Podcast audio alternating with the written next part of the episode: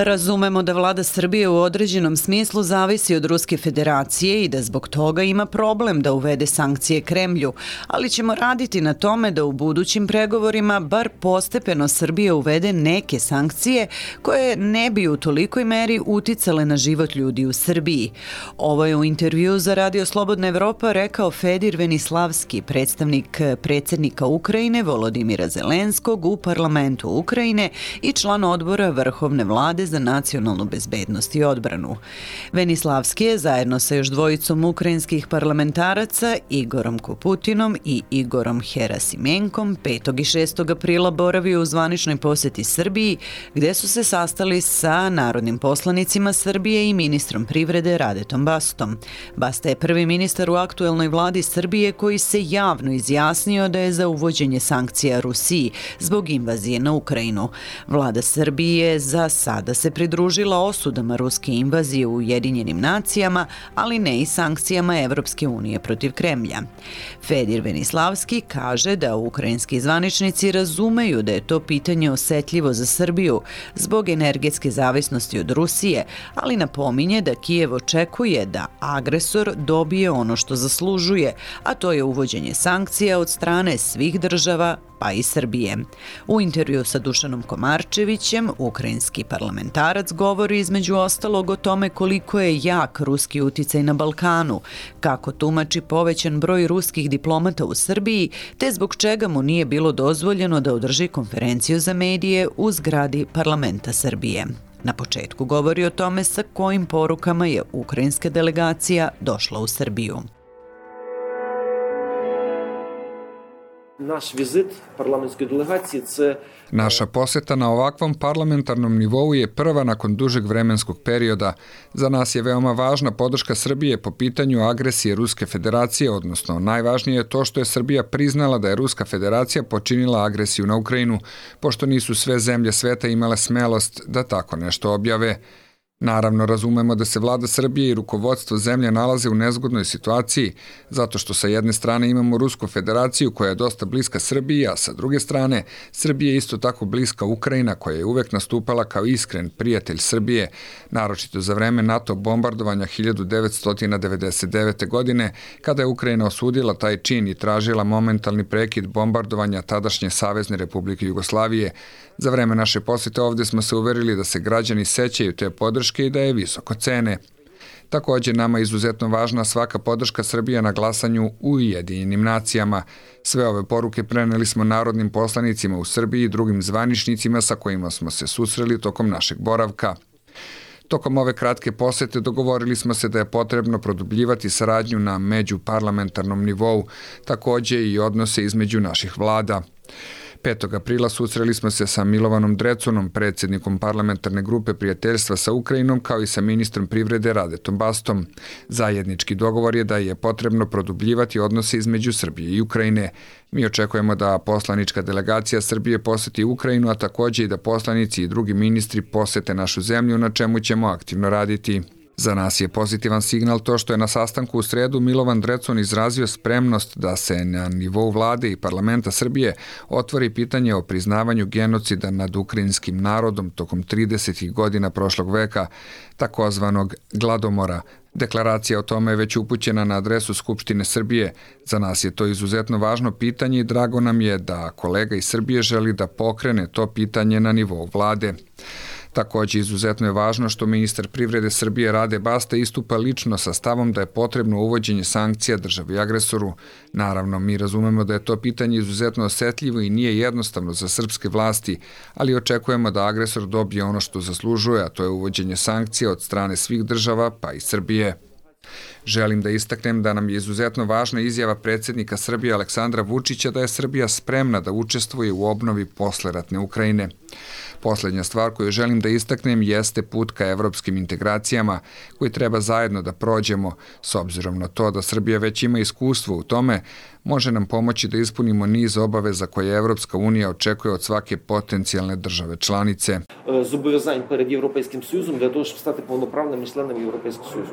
Pomenuli ste stav gospodina Radeta Baste povodom uvođenja sankcija Rusiji. Međutim, njegov stav je, čini se, u vladajućoj strukturi, u vlasti u Srbiji trenutno manjinski. Da li mislite da bi to neuvođenje sankcija moglo da dugoročno utiče na odnose Srbije i Ukrajine? Ну, для нас, звичайно, дуже було позитивно. За нас bi naravno bilo izuzetno pozitivno ako bi se Srbija pridružila sankcijama koje je Evropska unija uvela Ruskoj federaciji, ali mi ne možemo uticati na odluke rukovodstva Srbije. Razumemo da Srbija u određenom smislu ekonomski dosta zavisi od Ruske federacije. Tu su energenti, velika razmena dobara između Srbije i Ruske federacije. Razumemo da vladi Srbije to ne odgovara, pošto joj je važno da sačuva standard života svojih građana, kako te sankcije ne bi uticale prevashodno na njih. Naravno, mi ćemo raditi na tome da u budućim pregovorima bar postepeno Srbija uvede neke sankcije koje ne bi u tolikoj meri uticale generalno na život u Srbiji, ali moje generalno mišljenje je da neuveđenje sankcija Ruskoj federaciji ne može uticati u velikoj meri na odnose Srbije i Ukrajine. Međutim, s obzirom na to da je Srbija izabrala put ka evropskim integracijama, mislimo da njena budućnost svakako leži u saradnji sa Evropskom unijom, a ne sa Ruskom federacijom. Ako pogledamo ekonomiju Srbije, koja zavisi u velikoj meri od mnogih drugih država, mislim da će Srbija ipak da krene putem Evrope i da će se sve više oslanjati na nju.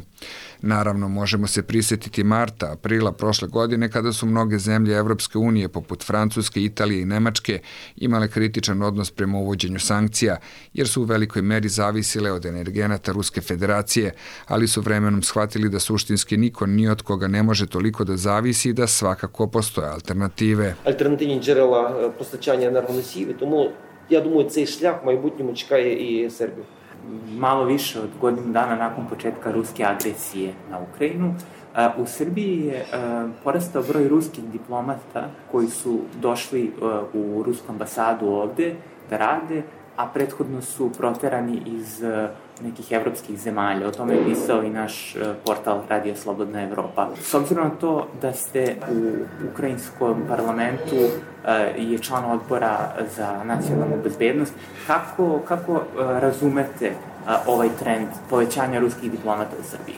Е, російські дипломати і росі, росіяни загалом в Сербії відчувають Ruskim diplomatama je veoma udobno da se smeste u Srbiju jer se oni tu osjećaju dosta konforno pošto srpsko rukovodstvo radi dosta na očuvanju dobrih odnosa i kontakata sa Ruskom federacijom. Znamo da Srbija nije jedina zemlja u kojoj raste broj kako ruskih državljana, tako i diplomata. U Austriji postoji ista tendencija, ali ja smatram da je to privremena pojava prema kojoj će se u budućnosti neko sigurno kritički odnositi, pošto se ne može stalno povećavati broj tih diplomata. Kao član odbora za nacionalnu bezbednost i kao osoba koja odgovara za bezbednostna pitanja, mogu da kažem da će vlada Srbije sigurno u nekom trenutku početi da se odnosi kritički prema tome i shvatit će da je Rusiji u interesu da stvara nove zone nestabilnosti kako na Balkanu, tako i u drugim delovima. Tada ona odlači pažnju od agresije koje je pokrenula Україні. І я думаю, що уряд Сербії це поступово також все більше розуміє і буде вживати тих заходів, які унеможливлюють такі дії Росії. U tom smislu uh, mislite da Rusija uopšte ima kapacitet trenutno da uh, pravi nova žarišta nestabilnosti na Zapadnom Balkanu, s obzirom na to da je trenutno primarno fokusirana na invaziju? Я думаю, тут питання навіть не стільки у військових, скільки в діяльності спецслужб. Mislim da nije reč toliko o vojnom kapacitetu i mogućnostima Ruske federacije da ovde pokrene pravi rat. Ruska federacija radi mnogo na agentima uticaja kao što su mediji, informacione kampanje, širenje informacija koje njima odgovaraju i u tom smislu ona može izazvati nestabilnost. Naravno, možemo pratiti kako se taj uticaj menja u Srbiji i na Balkanu. Ako je njihov uticaj na početku rata bio dosta veliki, umeđu vremenu je opao, a u poslednja 3-4 meseca ponovo možemo pratiti kako raste. То протягом останніх десь 3-4 місяців вона знову пішла стрімко вверх. Kako to objašnjavate? Ну, для нас це очевидно. Росія намагається Za nas je to dosta očigledno. Ruska federacija želi da utiče posredstvom medija i informacionih kampanja pre svega na pomoć koju Evropa pruža Ukrajini, jer na taj način ako neko pomaže Ukrajini u vojnom smislu i šalje vojnu tehniku, oni žele da stvore utisak da je Ukrajina ta koja produžava ovaj rat i koja odlaže njegovo rešavanje mirnim pregovorima. не дає підстав для мирних перемовин на їхніх умовах. Для нас це зрозуміло є неприйнятним. Kada je reč o uh, invaziji i uh, Srbiji i Rusiji, imamo i dalje vesti o tome da uh, pojedinci iz Srbije odlaze na, na front u Ukrajinu da se bore sa ruskim, u, u ruskim jedinicama. Imate li neke novije, konkretnije podatke, brojke o tome koliki je broj srpskih dobrovoljaca trenutno u redovima ruskih jedinica? Так, є інформація від наших розвідувальних служб, Naše istraživačke grupe koje se bave tim pitanjem imaju informacije da u ruskim redovima ima i Srba. Naravno, to su pojedinačni slučajevi i ja od toga ne bih pravio neki međunarodni problem. Ne radi se o tome da je neki čovek otišao tamo da bi ubijao Ukrajince, već da bi zaradio neki lak novac, pošto je to dosta plaćeno. Tih Srbi, які хочуть легких грошей на війні. Dakle, ne govorimo o nekom enormnom broju, zanemarive broj ljudi koji iz Srbije odlaze. Я не думаю, da це вплине на якісь відносини між нашими країнами, це мало ймовірно. U tim privatnim ruskim vojnim formacijama uključeni su ne samo Srbi, već ljudi različitih nacionalnosti. Njima uopšte nije bitno ko ste vi tamo.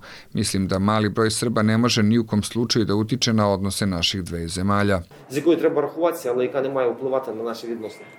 Još jedno pitanje koje je interesantno u odnosima Srbije i Ukrajine jeste ovo pitanje izručenja gospodina Andrija Naumova. Da li imate neke informacije kakve su, kakva je saradnja sa srpskim institucijama po tom pitanju? Процес іде, да, нас, між нашими правоохоронними органами і правоохоронними органами. Imam samo informaciju da kompetentni organi Ukrajine i Srbije rade na rešavanju ovog pitanja. Što se tiče naše strane, nama je naravno u interesu da Naumov bude izručen i vraćen na teritoriju Ukrajine kako bi se tamo produžilo dalje suđenje za kriminalne radnje za koje je osumnjičen. Подій, яких він брав участь, чи в яких його є підозри, що він брав участь. I na kraju moram vas pitati u vezi sa informacijom koju je dao jedan opozicijni političar, a to je da vam tokom posete parlamentu Srbije nije bilo dozvoljeno da u holu parlamenta održite konferenciju za medije. Kako ste to razumeli?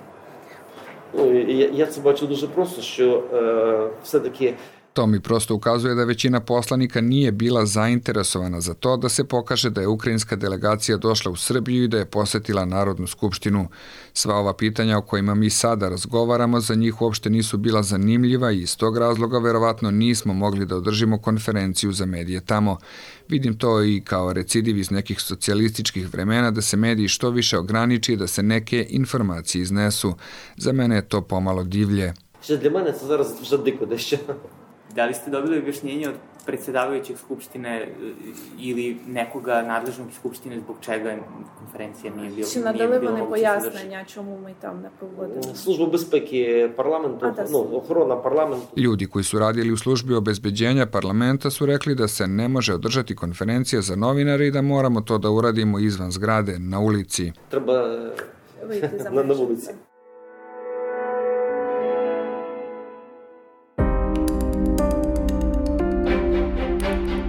Za Radio Slobodna Evropa govorio je Fedir Venislavski, predstavnik predsjednika Ukrajine Volodimira Zelenskog u parlamentu Ukrajine i član odbora Vrhovne vlade za nacionalnu bezbednost i odbranu.